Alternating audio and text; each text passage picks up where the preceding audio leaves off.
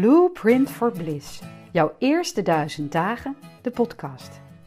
De eerste duizend dagen van je leven en de veertig dagen die daaraan vooraf zijn gegaan, hebben grote impact op je lange termijn gezondheid, je vruchtbaarheid en je levensgeluk.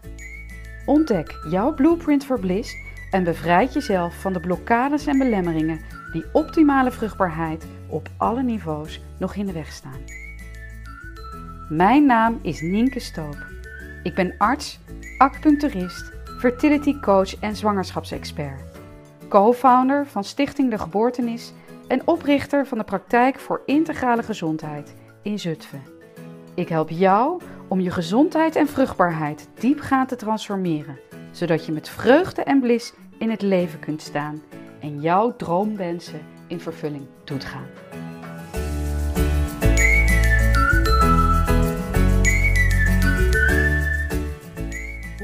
Jouw eerste duizend dagen? Hoe je eerste duizend levensdagen ook zijn geweest. Ze bevatten de sleutel tot het ontsluiten van jouw unieke levenscode, jouw blueprint voor bliss. Jouw potentieel voor vitaliteit, vruchtbaarheid en levensgeluk. In deze podcast neem ik je mee in het begrip de eerste duizend dagen. Want wat bedoel ik daar nou precies mee? En hoe kan jij de kennis die je kunt verzamelen over jouw eigen eerste duizend dagen gebruiken om te groeien in gezondheid, vitaliteit, vruchtbaarheid en bewustzijn? Als we kijken naar de periode die voorafgaat aan een zwangerschap, aan de eerste negen maanden in de buik, de geboorte en de eerste twee jaren van het leven, dan is daarin iets heel duidelijk aanwezig. Er is eigenlijk iets heel duidelijk afwezig, namelijk taal. Pas rond de eerste jaar en de tweede jaar begint een kindje te praten. Dat wil niet zeggen dat het niet gevoelig is voor taal of dat het taal niet kan verstaan voor die tijd. Het kan alleen zelf nog geen woorden maken. En dat speelt een hele belangrijke rol bij de manier waarop alles wat je meemaakt in de eerste duizend dagen van je leven wordt verwerkt. Al die ervaringen die zitten opgeslagen in jouw lichaam, in jouw onderbewustzijn, maar je hebt er heel weinig woorden voor. En daarom is het soms ook zo lastig om ze te vatten, om er iets mee te kunnen gaan doen. En in mijn werk als arts, acupuncturist en fertility coach gebruik ik manieren en methodes waarmee ik je kan helpen om wel toegang te krijgen tot die informatie. Omdat daar keer op keer blijkt ontzettend veel sleutels verborgen liggen in die periode, die je nu kunnen helpen om gezonder, gelukkiger, vitaler en vruchtbaarder te zijn. De gezondheid van jouw ouders ten tijde van de start van jouw leven, conceptie, van eicel en zaadcel die elkaar ontmoeten en innestelden in de baarmoeder. De gezondheid van jouw ouders in de 40 dagen voorafgaande aan dat moment zijn de belangrijkste bepalende factor van de lange termijn gezondheid van jou nu in je leven.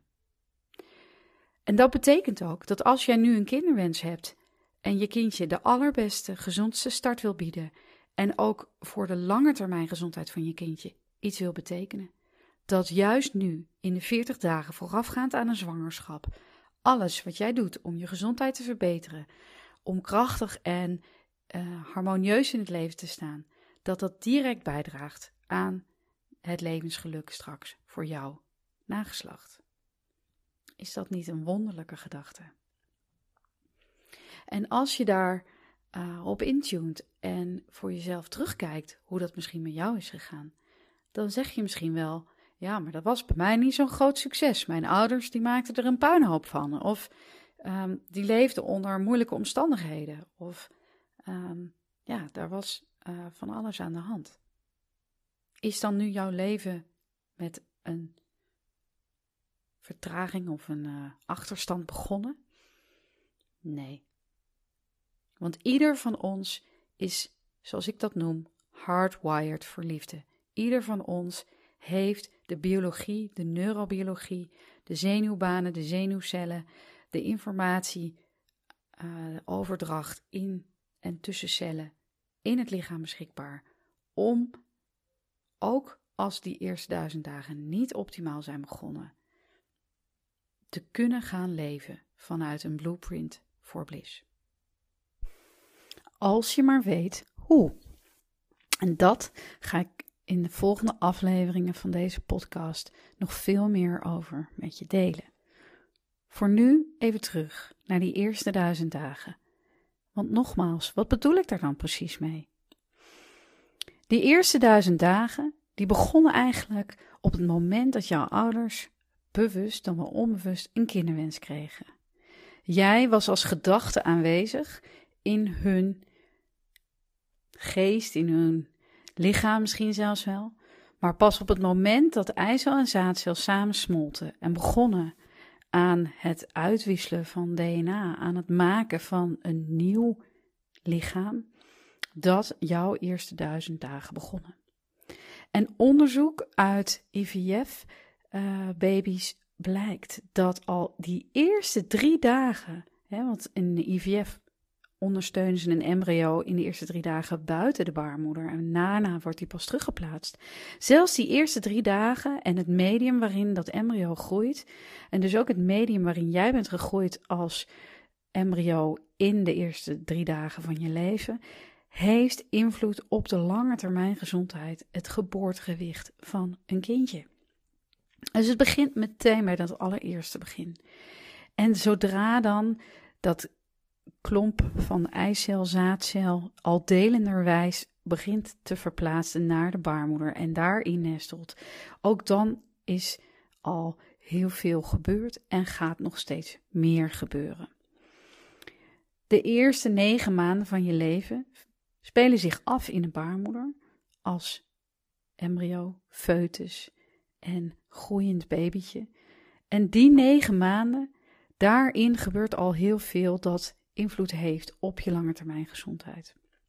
De manier, uh, de hoeveelheid voeding die je krijgt, maar ook de psychische en emotionele gesteldheid van je moeder en vader heeft impact op de ontwikkeling van het ongeboren kind. Ook de omstandigheden rondom de geboorte en uh, de manier waarop die geboorte plaatsvindt, heeft impact. Was je op tijd? Was je te vroeg? Was je te laat? Had je een normaal geboortegewicht of was je te licht bij je geboorte?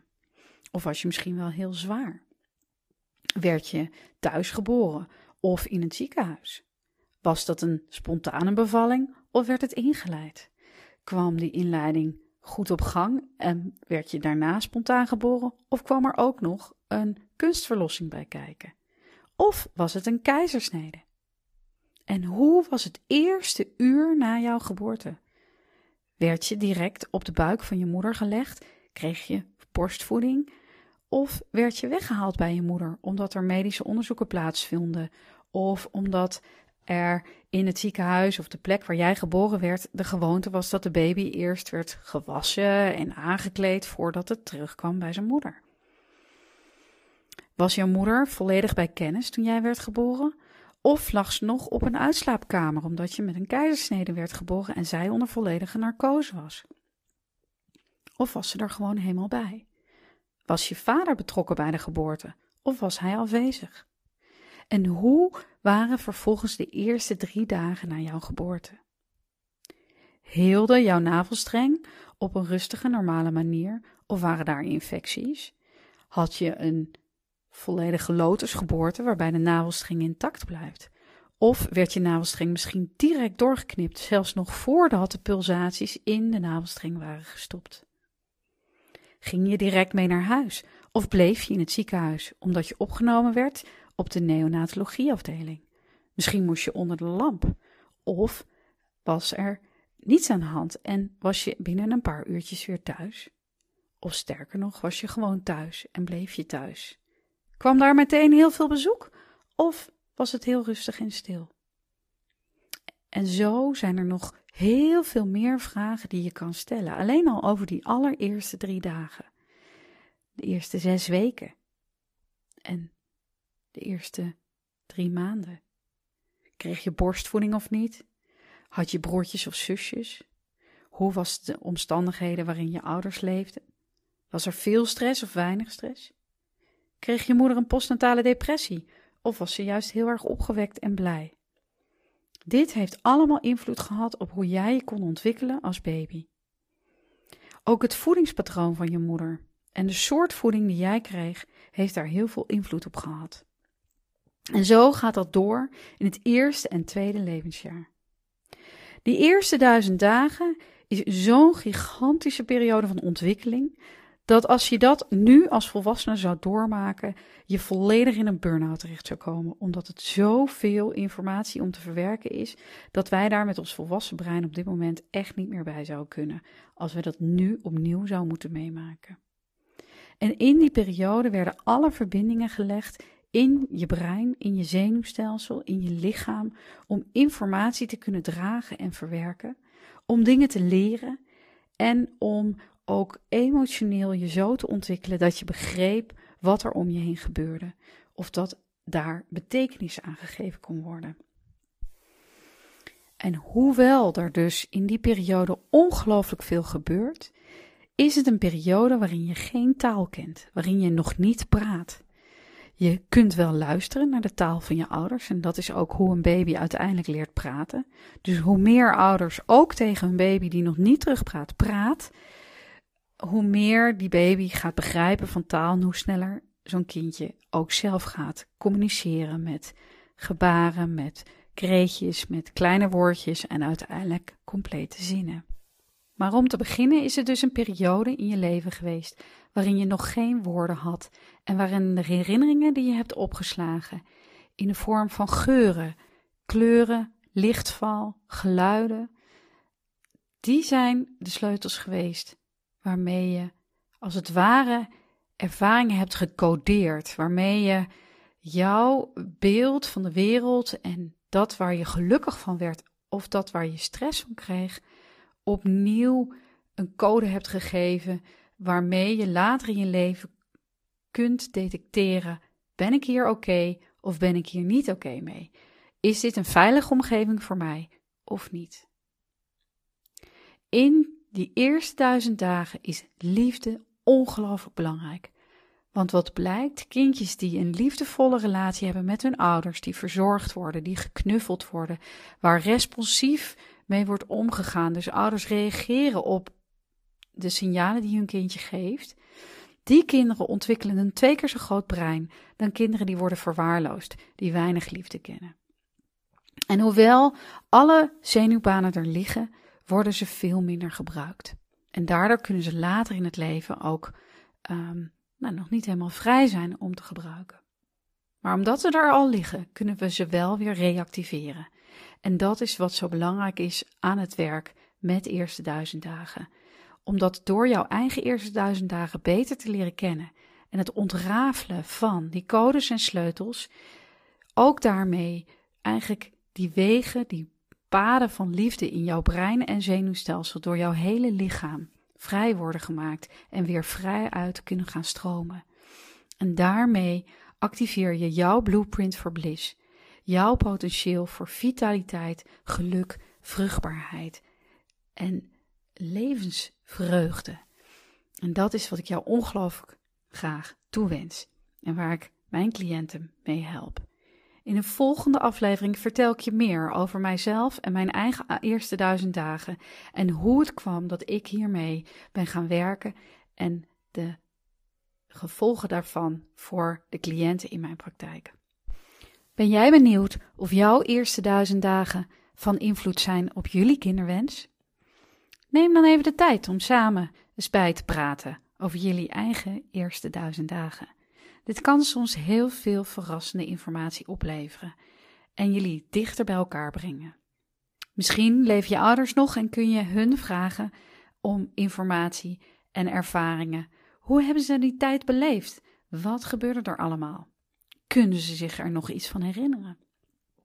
Ik ben heel benieuwd naar wat er voor jou boven komt en of er voor jullie eye-openers zijn daarin. En ik vind het superleuk als je dat met mij wilt delen.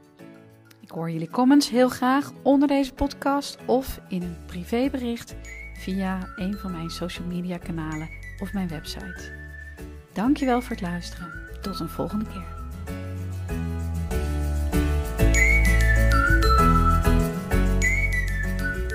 Dankjewel voor het luisteren. Dankjewel voor je tijd en aandacht. Dat waardeer ik enorm. En ik hoop dat mijn verhalen over de eerste duizend dagen jou gaan helpen om beter te begrijpen hoe jij nog meer jouw volledige potentieel kan leven. Jouw blueprint van bliss kan laten zien en delen met de wereld. Twijfel jij aan je vruchtbaarheid of wil je jullie kindje een krachtige start geven in de eerste duizend dagen van zijn of haar leven? Kijk dan verder bij het online programma Vitaal Vruchtbaar. In vier modules neem ik je mee door de vrouwelijke cyclus, vruchtbaarheid, body and mind medicine en praktische oefeningen die je samen met je partner kan doen, waarmee jullie vitaliteit en vruchtbaarheid sterker, stralender en gezonder wordt. Ik zie je heel graag. Kijk verder op lotuscoach.nl/slash vitaal en vruchtbaar.